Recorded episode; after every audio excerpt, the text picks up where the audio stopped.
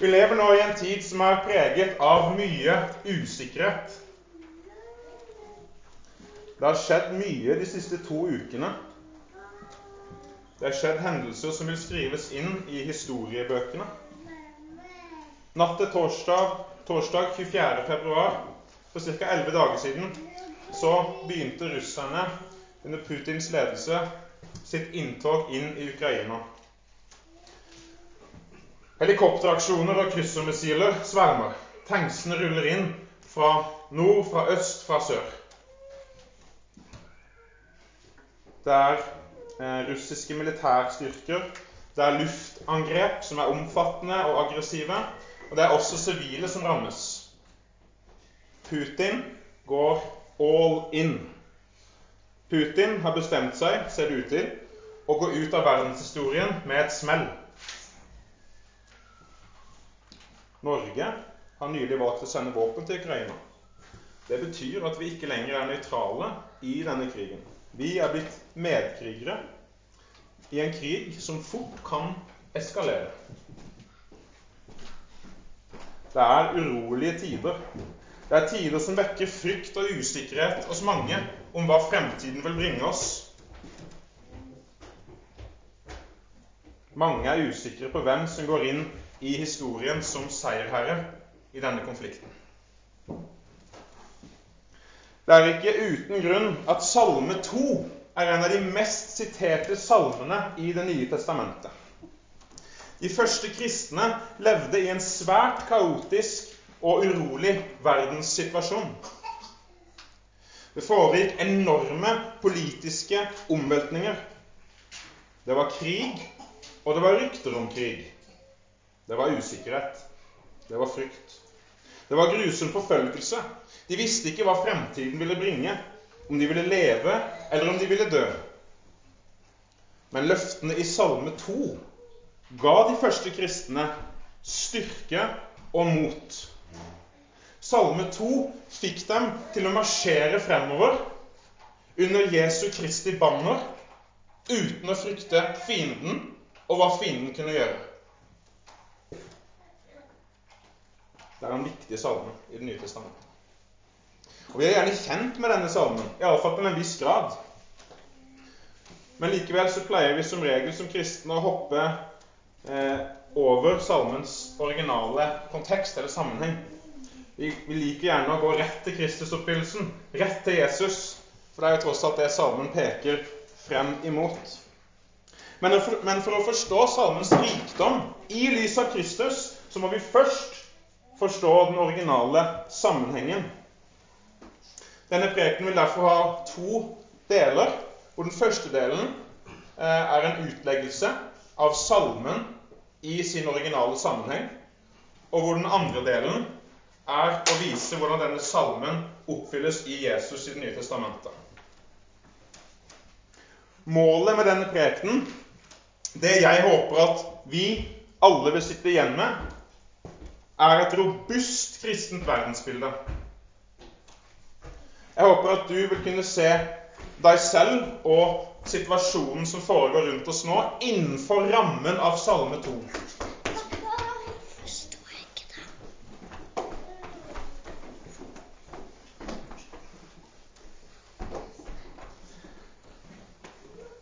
Jeg håper at Salme 2 vil virke til å kvele ut indre uro usikkerhet og frykt. Måtte Gud skrive Salme 2 på våre hjerter, så vi er frimodige og sterke uansett hva fremtiden bringer oss.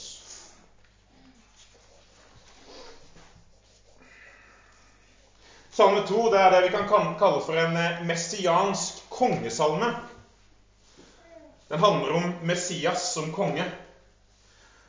Og Salme 2 ser ut til å ha blitt brukt i sin originale sammenheng i det den nye kongen skulle innta tronen og bli kronet som den nye David-kongen.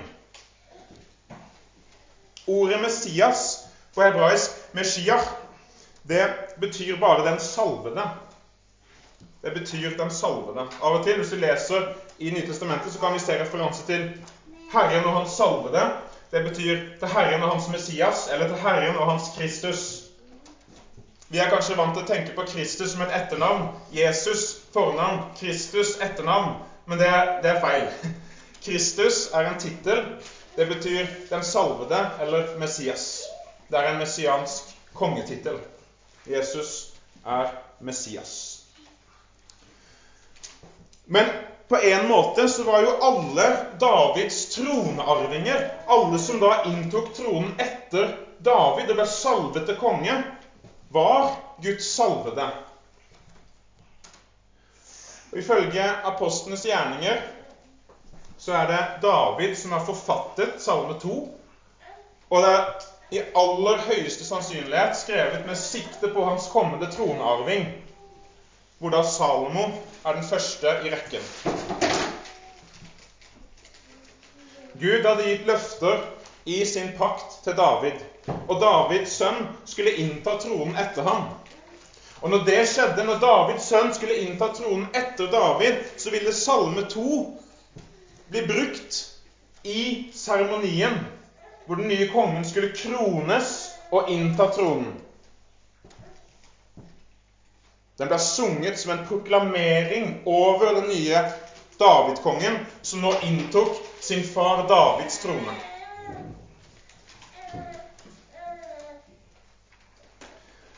Vi har et godt eksempel på dette i andre eh, kongebok, kapittel 11, vers 12. Det er Joash krones til konge. Du trenger ikke å slå det opp, men jeg leser det. bare Det er litt hjelpsomt å få et innblikk i denne seremonien. Jeg leser andre kongebok, kapittel 11, vers 12. Så førte han kongesønnen ut og satte kronen på ham og overga vitnesbyrdet til ham. De gjorde ham til konge og salvet ham, og de klappet i hendene og ropte:" Kongen leve!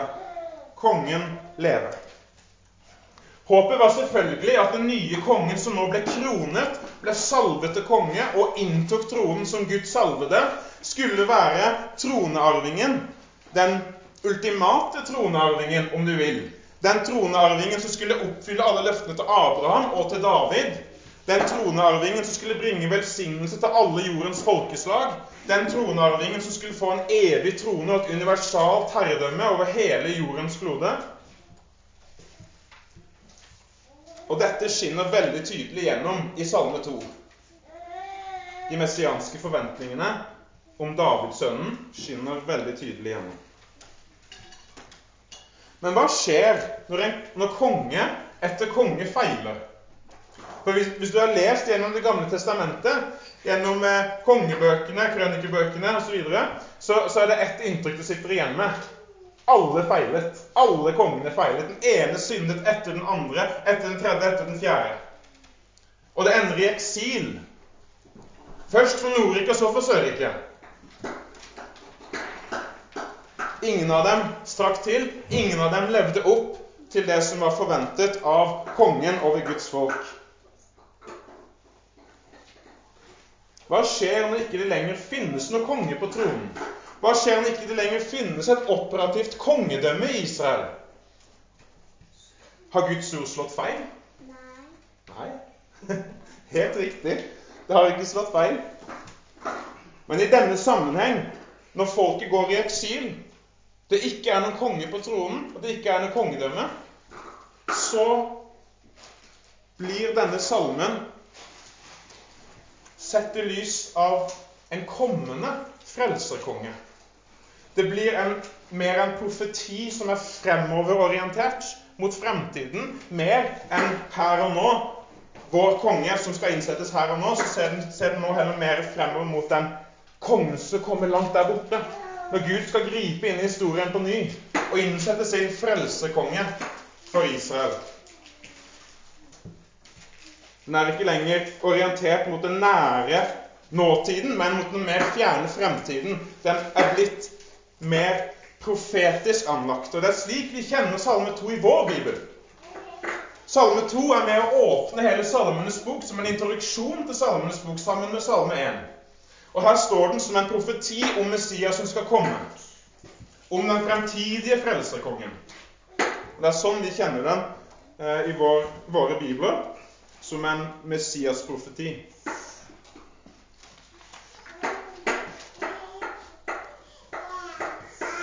første tre versene eh, handler om hvordan hedningene larmer. Hvordan de går frem i opprør, hvordan jordens konge reiser seg, hvordan fyrstene slår seg sammen. Salme 2 vers 1 begynner med det retoriske spørsmålet Hvorfor larmer hedningene? I det gamle Israel så var kroningen av en ny konge en svært gledelig affære. Som vi så når kong Joash ble kronet og salvet og inntok kronen, så var det jubel, klapping med hendene. Det var en stor festdag. Men det var også en sårbar situasjon. Politiske omveltninger er ofte sårbare situasjoner. Og nasjonene som omringet Israel eh, på Davids tid og på hans etterkommeres tid, eh, de ville anse denne politiske omveltningen som en mulighet til å gjøre opprør mot kongen. Det var en mulighet til å frigjøre seg fra israelittisk kontroll over dem. Det er et sårt øyeblikk som mange ville anse som en mulighet til å gjøre opprør. Og Salme 2 uttrykker nettopp hvor fåfengt det er at hedningene har slike opprørstanker i hjertene sine. Tankene og planene deres beskrives som støyende larm som en biesverm med dårskap, om du vil. De vil sprenge av seg alle autoritetsbånd, står det, og kaste av seg alle rep. De vil ikke være underlagt Israels Gud. Disse opprørstankene er forventet i salmen. Og sangerne spør derfor retorisk hvorfor grunner folkene på det som fåfengt er? I vers 2 leser vi Eh, jordens konge reiser seg, og fyrstene rådslår sammen mot Herren og mot Hans salvede. Og videre i vers 3.: La oss sprenge deres bånd og kaste deres rep av oss. Allerede her så kan vi se at Salme 2 er noen skonummer for store, for å si det mildt. Det er nemlig ikke sånn at det, det er de, kun de lokale kongene rundt Israel som beskrives her. Men det er globale proposisjoner. proposisjoner. Det, er, det er jordens konger. Det er ikke bare lokale konger, det er jordens konger. Så sko, eh, skoen er en god del nummer for store. Men dette er bevisst. Dette er bevisst, for salmens håp er jo tross alt til en universal messiaskonge. Som skal ha et universalt verdensherredømme over alle jordens folkeslag. Fra hav til hav, til jordens ytterste ende. Det var det løftet Gud hadde gitt til David, og før ham til Abraham, som kommer sammen i forventningen til kongen. Det er også interessant at det står om deres bånd og deres rep. Det er fort å overse når man leser, men det, det snakkes om deres bånd og deres rep. Altså Israels Gud og hans Messias beskrives her som en autorativ enhet. Deres bånd, deres rep. Kongen representerer Gud. Kongens trone er ett med Guds trone på en måte. Opprør mot Guds salvede er derfor direkte opprør mot Gud selv.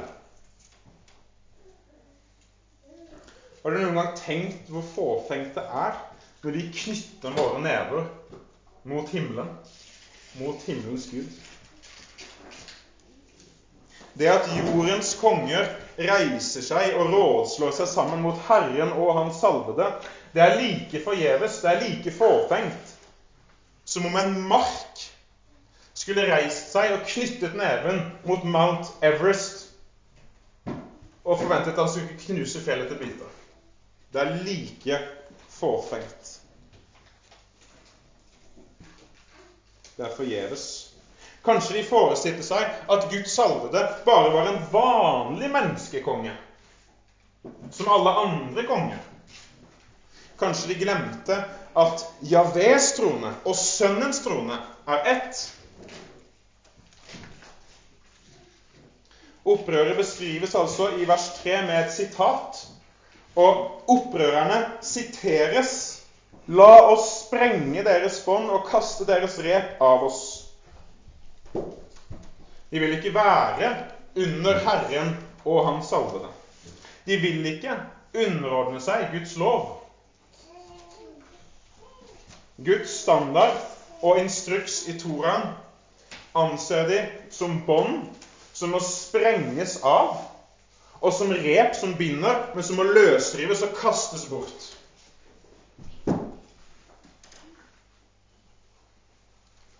Det er ikke noe nytt under solen. Det er akkurat det samme vi ser i dag. Folk vil sprenge av seg båndene og rive av seg repene. Vi vil ha rett til å drepe våre egne barn. Selvbestemt abort. Millionvis av barn blir slaktet hvert eneste år. Vi vil ikke ha Guds rep eller Guds bånd som forteller oss hva vi skal gjøre. LGBTQ-bevegelsen, koronatyranniet, Putin og hans syndige invadering. Listen fortsetter og fortsetter, og vi kunne på i det uendelige. Hedningene larmer. Kongene reiser seg. Fyrstene slår seg sammen. De vil frigjøre seg fra kongelig autoritet. De vil rive av repen og sprenge båndene. De vil ikke være under Herren og Hans salvede. De hater Guds ord. De vil selv være herre og Gud. De vil selv diktere hva som er rett, og hva som er galt. Det er ikke noe nytt under solen. Slik var det på Davids tid da han skrev Salme 2 med sikte på sin tronarving. Og slik er det i dag. Hedningene larmer, kongene reiser seg, fyrstene slår seg sammen. De vil sprenge båndene, og de vil kaste repene av Guds lov av seg. Da som nå.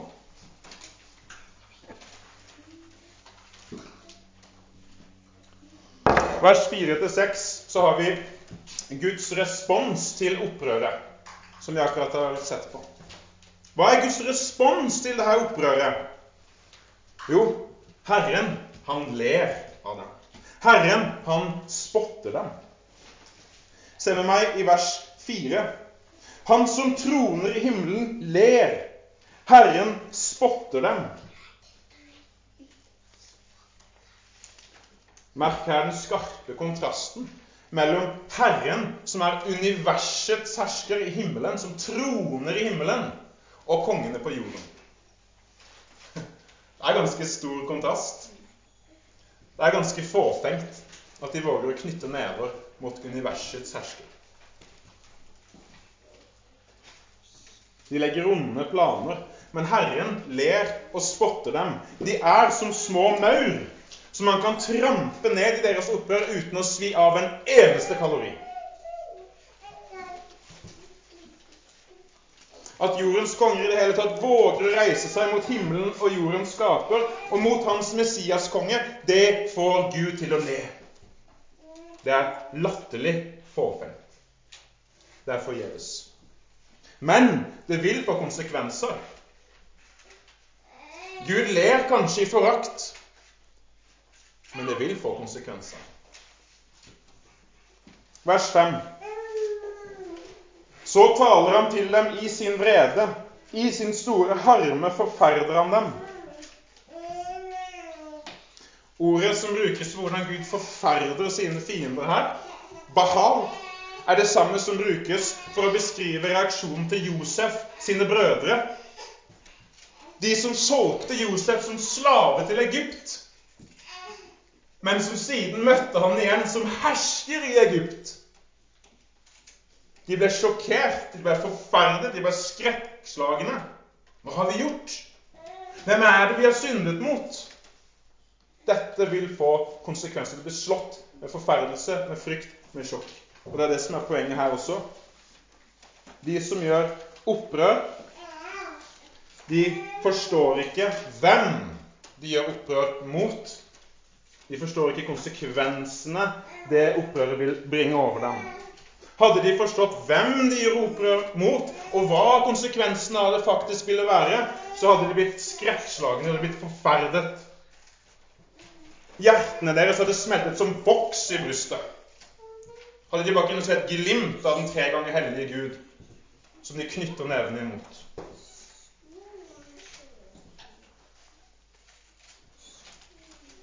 Som vi allerede har sett, så ble vers 1-3 avsluttet med et sitat av opprørerne. Og på samme måte så avsluttes vers 4-6 med et sitat av Javé, Israels Gud, i vers 6. Og dette er salmens midtpunkt. Dette er salmens hjerte. Og der står det Det er jo jeg som har innsatt min konge på Sion, mitt hellige berg. Selve tronestigningen og kroningsseremonien av Guds konge er Guds respons til antigud-opprør. Det er den levende Gud, himmelens og jordens skaper, som står bak sin kongesønn, og som gir ham makt og suverenitet over alle folk, over alle konger, over alle fyrster. Salmen gjentar det emfatiske personlige pronomen hele tre ganger i vers 6, som i våre norske bibler blir 'jeg', 'min', 'mitt'. Det er jeg som er innsatt min konge på mitt hellige fjell. Trykket på det personlige pronomenet det får frem Guds absolutte suverenitet i alt som skjer. Hans allmakt i tillegg til hans doble utvelgelse av David huset og fjellet Sion. Vers 7-9 ser vi kongesønnen tale og proklamere det Herren har fastsatt. I vers 7 så leser vi Og her er det altså kongen som ble innsatt i vers 6, som nå er taleren. Jeg vil kunngjøre det som er fastsatt. Herren sa til meg, du er min sønn. Jeg har født deg i dag. I salmens dramaliturgi, når kongen innsettes, så, eh, så er det nå kongen som tar ordet. Det er kongen som proklamerer det Gud har fastsatt om sin konge. Det er Guds dekret som proklameres her. Og det som Herren har fastsatt, det refererer til Davidpakten. Løftene som Gud har gitt til David på, om hans evige trone, hans universale herredømme. Gud har sverget ved seg selv, står det i Salme 89. Hvis jeg hadde sverget med meg selv, hadde det ikke betydd så veldig mye. Det hadde vært eh, som, som, ingenting. Men hvis Gud sverger ved, sin, ved, seg selv Og det står til og med at han sverger ved sin egen hellighet Går, går ikke an å sverge ved noe høyere.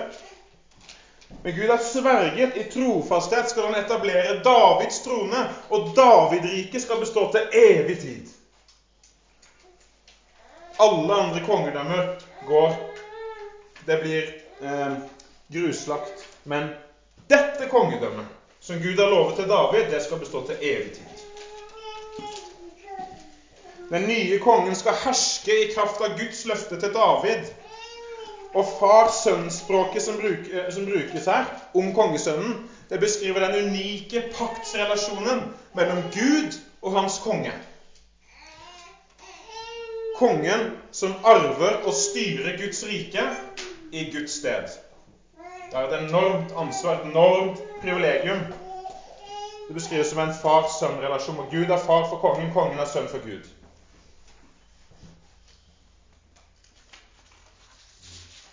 Når er det dette starter? Det starter offisielt på dagen da kongen krones og inntar tronen. Som det står 'Du er min sønn, jeg har født deg i dag'. Dramaliturgiens 'i dag' i salmen etablerer Gud som far for den nykronede kongesønnen.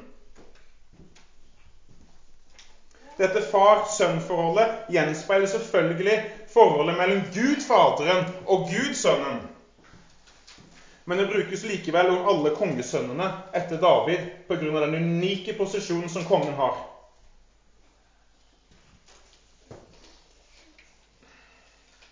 Kongesønnen har i sin privilegerte stilling som sønn han har fått fri adgang til å spørre Gud, til å be Gud som sin egen far.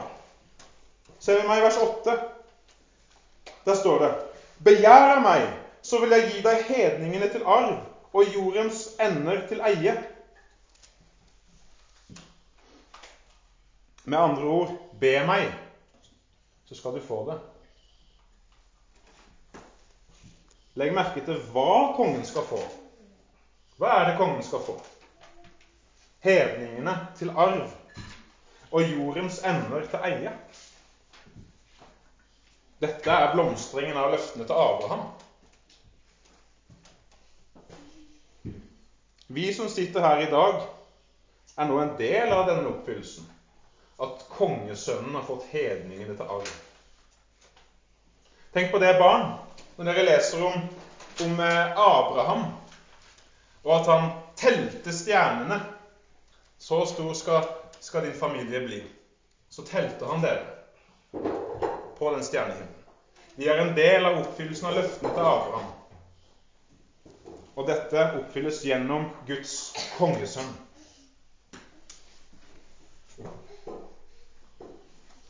Så løftene til Abraham og til David de smelter sammen ser vi her. Akkurat slik som det gjør i Salme 72, hvis dere er kjent med Salme 72. Det er en eh, sterk parallell til Salme 2.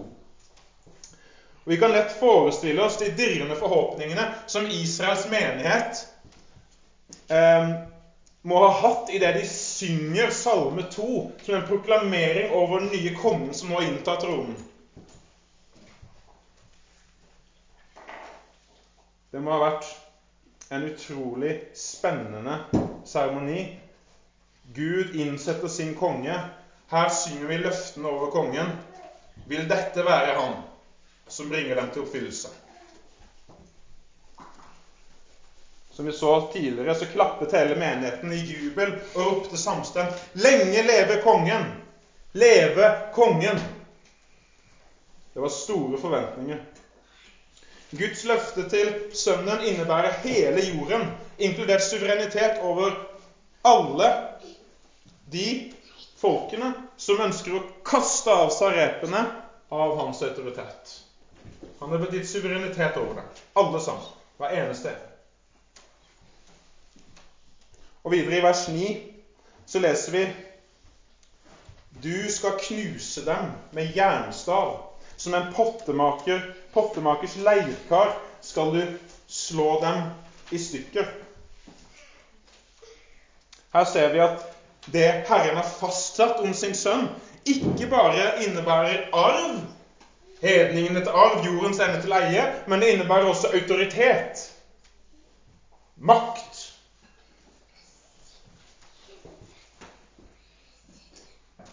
Hva er den som nekter å føye seg under kongens autoritet? Hva er den som insisterer på å sprenge av seg båndene og rive av seg reipene og kaste dem fra seg? Dem vil møte sønnen som dommer. Som dommer. Det har Herren fastsatt. Det er Guds dekret.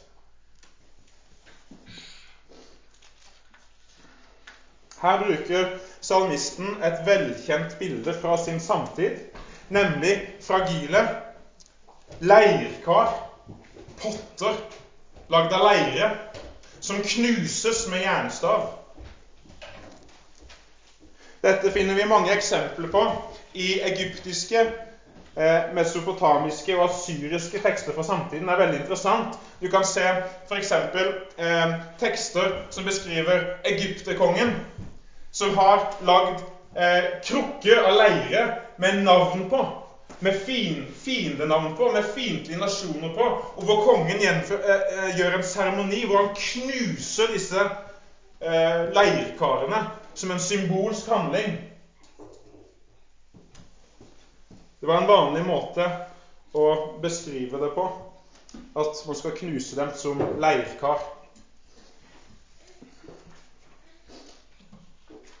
Jernstaven som beskrives her, det er altså kongens septer. Det er hans kongestav, eller hans herskerstav.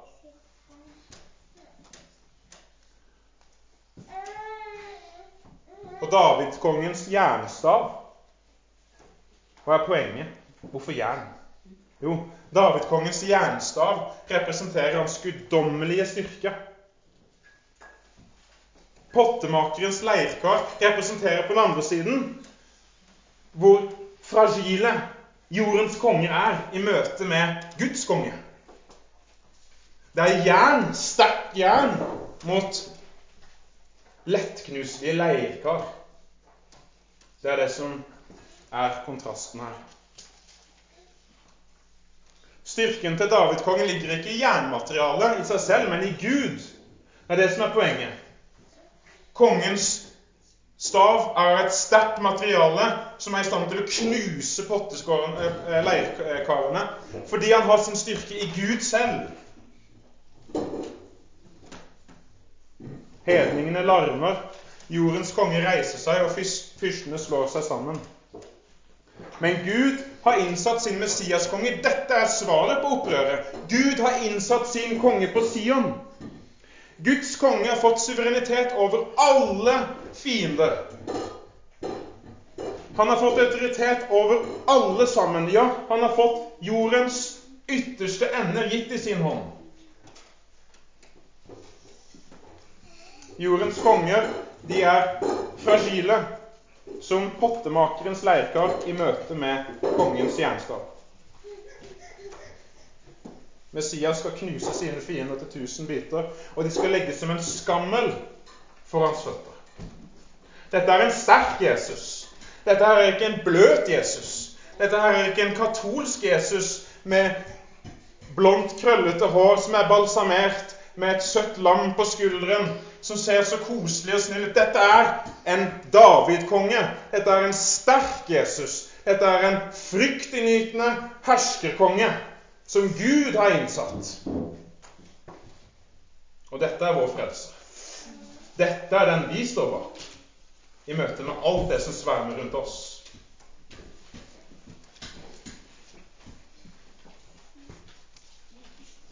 Vers 10-12. Her kommer vi mot salmens avslutning og konklusjon, og det er en advarsel til jordens konger.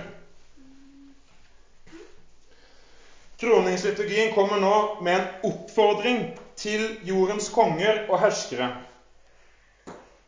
Og det står i vers 10.: Og nå, dere konger, gå viselig frem, la dere advare, dere herskere på jorden. Her ser vi igjen de samme kongene og herskerne som ble beskrevet i vers 2. De som rådslo seg sammen, de som reiste seg mot Herren og hans salvede. Hedningene som larmer. Her adresseres det igjen. De oppfordres til å gå viselig frem. Kongene formanes til å ta den rette avgjørelsen og å bøye seg under Messias og hans autoritet. De inviteres til å sverge troskap til kongen som Gud har innsatt. Ellers vil de møte ham som dommer. Hvis de går viselig frem, så er faktisk velsignelsen lovet i vers 12 Salig er hver den som tar sin tilflukt av ham. En reell mulighet for dem. Den største opprører kan finne nåde hos kongen hvis han tar tilflukt av ham. Nei, jeg ser et vitne på. Jeg var en opprører. Jeg knyttet neven mot Gud og mot Hans salvede. Men det finnes nåde for opprørere slik som meg. og alle dere andre måtte høre på. Det er en reell mulighet å bli salig ovenfor å bli ødelagt med jernstav. Og derfor formanes dem La dere advare. La dere advare. Verbet som brukes her, kan også oversettes med 'la dere opplære'. Og ha betydningen å la seg instruere via disiplinering som et barn. Her, eh, jeg syns det, det, er flott. Eh, på hebraisk så brukes det her verbet om barneoppdragelse. I ordspråkene f.eks. ser vi det hyppig brukt om barneoppdragelse. Disiplinering av barn. Det er ironisk, for det er jo tross alt verdens mest mektige konger og herskere som formanes her om å ta imot barneoppdragelse. Om å la seg disiplinere som barn.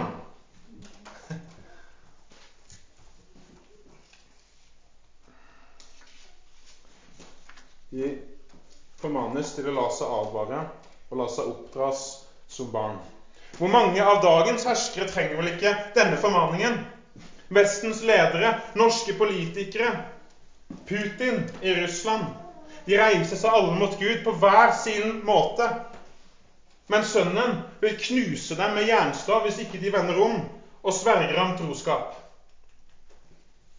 De trenger å la seg oppdra i Guds lov, så de kan bli vise. I den forbindelse er jeg veldig takknemlig for alle kristne som hengir seg til politikken. Jeg er takknemlig for Jonas, som skriver om hvordan vi kan vinne Vesten tilbake. Vi trenger politikere i dag som kan representere kongen fra Salme 2 og disippelgjøre landets ledere, så de kan la seg én advare, to gå viselig frem, og tre bli salige. De trenger å la seg advare, gå viselig frem og bli salige. Det trenger også landet vårt. Vers 11 i Salme 2 forklarer hvordan vers 10 ser ut i praksis. Tjen Herren med frykt, juble med beven. Kongers underkastelse til Javé og hans salvede, det kommer altså til uttrykk i å tjene. Og ordet 'tjene' oversettes også med 'å tilbe'. Det innebærer at hvis jordens konger skal unngå dom, hvis de skal unngå å møte kongen som dommer, så må de forsake deres avguderi og tilbe Javé som den eneste sanne Gud og skaperen av himmelen og jorden. Vi må tilbe Israels Gud med frykt og beven. Men det er en positiv form for frykt. Det er en positiv form for frykt. De skal juble med beven. Det er en gledelig sak å komme under kongens autoritet. Det er ikke en tung byrde. Det er en gledelig sak. Vi kan juble med beven. Ærefrykt og glede kommer sammen når vi er representert av kong Jesus, kongen som Gud har innsatt. Så tjeneste, ærefrykt, glede og beven, det går sammen. Og Guds fiender innbydes til å bli Guds venner på Guds betingelser. Ikke på menneskets betingelser. Ikke på samfunnets betingelser. På Guds betingelser. Det innebærer å underordne seg kongen som Gud selv har innsatt.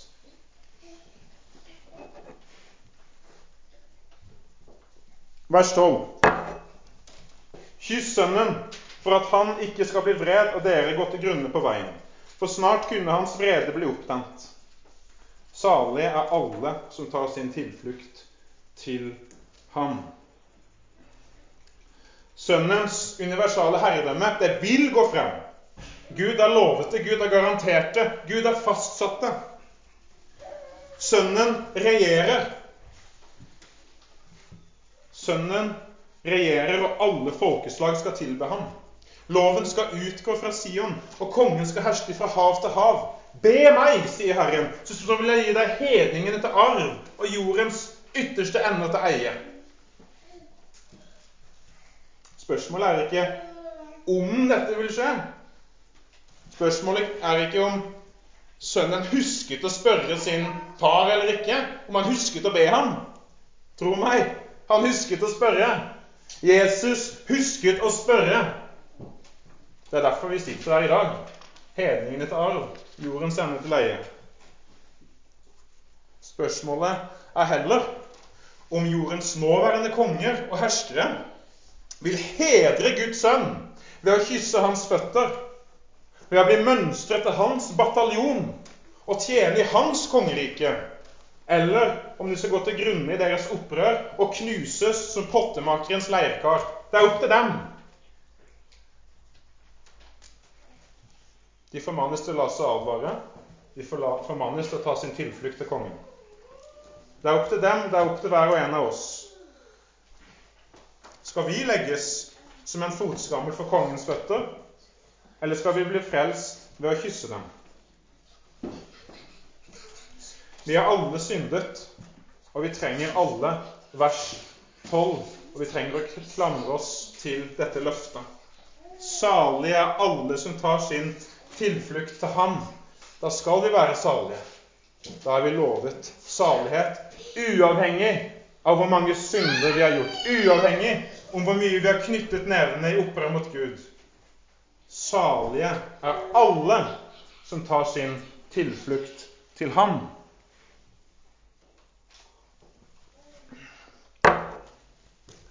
Ok.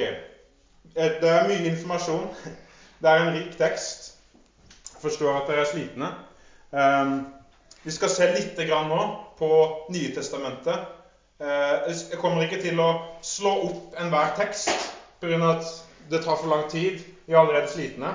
Men jeg vil at dere skal se hvordan Salme 2 skinner igjennom hele Det nye testamentet. Jeg vil at dere skal se hvordan Jesus rommer denne salmen og oppfyller denne salmen. Hvordan han har oppfylt den, hvordan han nå oppfyller den, hvordan han skal oppfylle den. Husker noen av dere hvordan Det nye testamentet åpner? Første side, første kapittel, første vers. Da åpner Det nye testamentet med å identifisere Jesus som Messias og som sønn av David, sønn av Abraham. Så han er altså Messias som skal oppfylle løftene til Abraham og til David, akkurat som vi så i Salme 2. Han er Messiaskongen. Jeg syns det er fascinerende at både Markus, Matteus, Lukas og Johannes har med Jesu dåp som den offisielle lanseringen av hans tjeneste. Hva skjer ved dåpen? Hva skjer ved dåpen? To ting som er relevant å kommentere på. Det ene er han identifiseres som sønnen. Dette er min sønn. Dette er min sønn. Du er min sønn, står det også. Døperen Johannes vitner. Jeg, jeg har sett det. Han er Guds sønn. Det er samstemt vitne. Han er sønnen. Og det andre som er verdt å huske på når vi leser om Jesu dåp, er at slik som kongene i det gamle Israel ble salvet med olje Vi husker kanskje kong Saul, som ble salvet med olje. Slik kong David ble salvet med olje, osv slik kong Joash ble salvet, slik ble også kong Jesus salvet i sin dåp. Hvor Gud Fader øser ut Den hellige ånd over ham som en due, og han blir salvet ved Den hellige ånd og starter sin offisielle tjeneste. Så han identifiseres som sønnen, og han salves.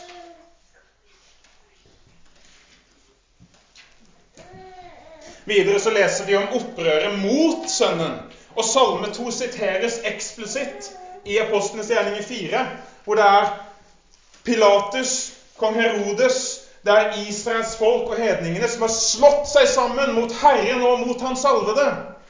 De har slått seg sammen i denne byen mot Han som du har salvet, står det.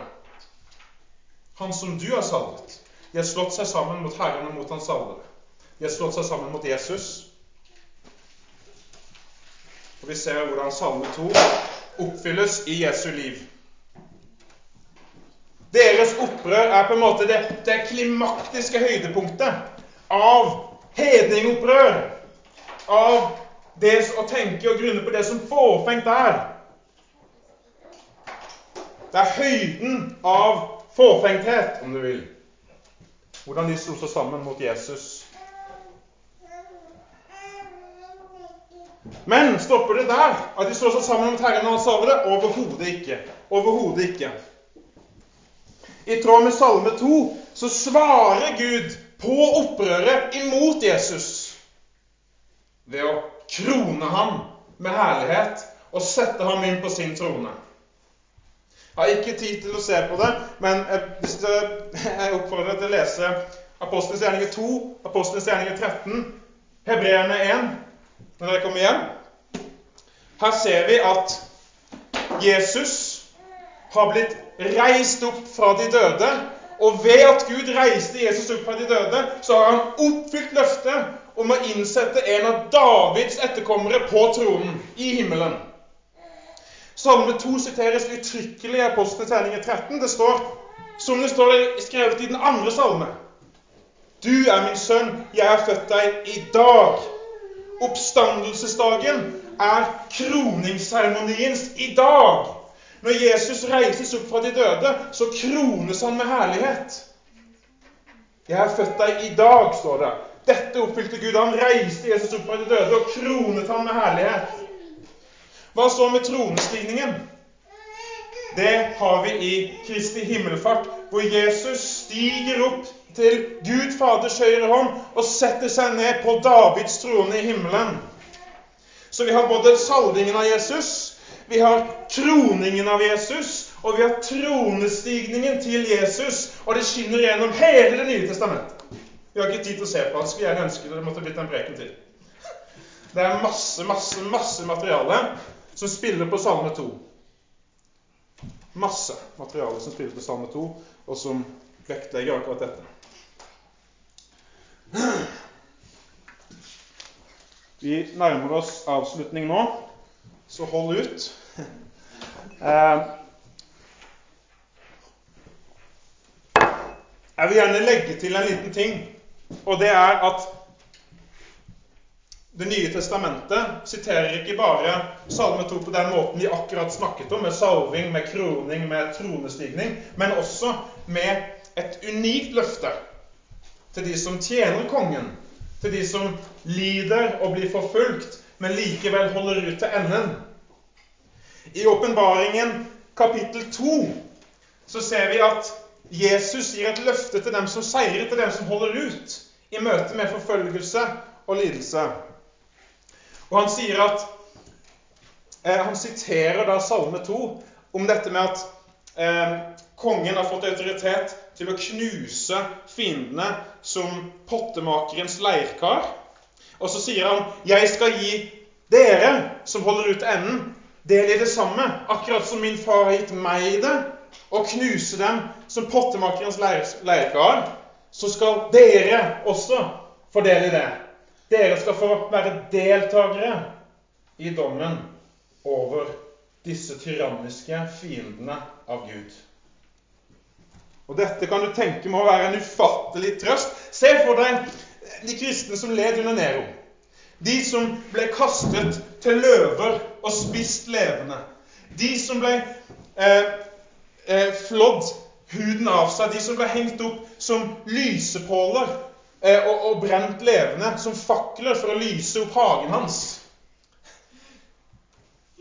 Tenk deg på dommens dag at disse kristne skal få lov til å få delta på en eller annen måte i dommen over dette, eh, disse forferdelige tyrannene som har utsatt dem for alt dette vonde. På en eller annen måte. Vi vet ikke nøyaktig hvordan, men vi vet at vi skal få del i eh, dommen på en eller annen måte. Og Det er en utrolig trøst.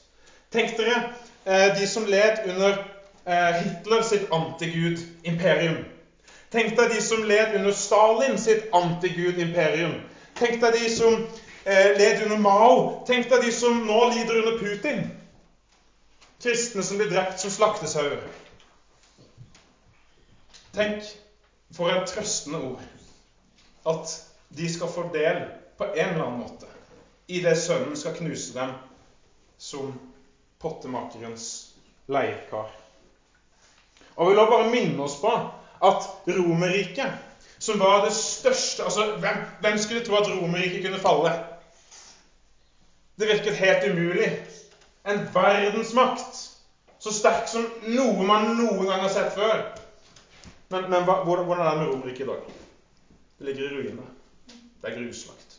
Sammen med, med Hitler sitt imperium, sammen med Stalin sitt imperium. Alle disse store antigud-imperiene som har reist seg mot Herren og mot Hans salvede, knyttet nevene mot Gud og, og utført alle disse onde handlingene, de ligger i grus i dag. Så det har også en temporalside her. Det er ikke bare den eskatologiske dommen, men det er også en temporal, temporalt aspekt som jeg, jeg syns er litt interessant å tenke på.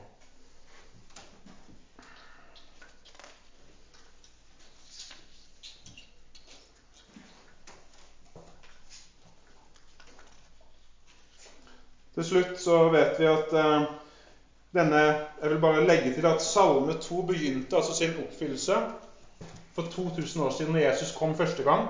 Han ble salvet, han ble kronet, han inntok tronen, og han regjerer nå. Husk på det, barn. Hvis dere skal huske én ting Det er vanskelig, det er mye vanskelige ting her. Skal dere huske én ting Jesus er konge. Han hersker nå som konge. Og han er seierherre. Han er den som seirer over alle fiender. Han seirer over synden, døden, djevelen. Han over, seirer over alle de som måtte reise seg i opprør imot oss. Jesus er konge, og hvis vi er på kongens lag, så er vi på det seirende laget.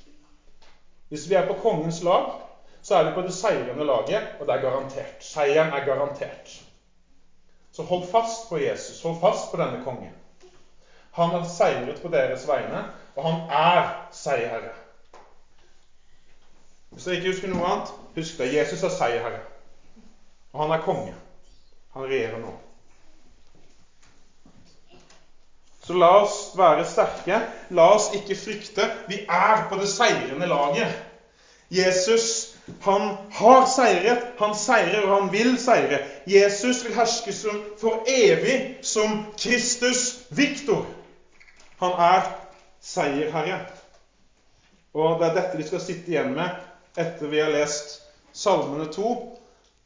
Og Jeg kan godt avslutte med åpenbaringen 11.5, nei 11.15, der det står Her kan se for dere Salme 2 er oppfylt i sin fylde.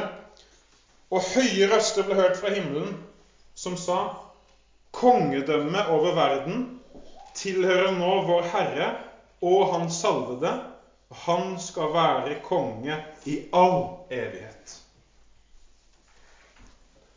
Ære være Faderen, Sønnen og Den hellige ånd, en Gud fra evighet til evighet. Amen.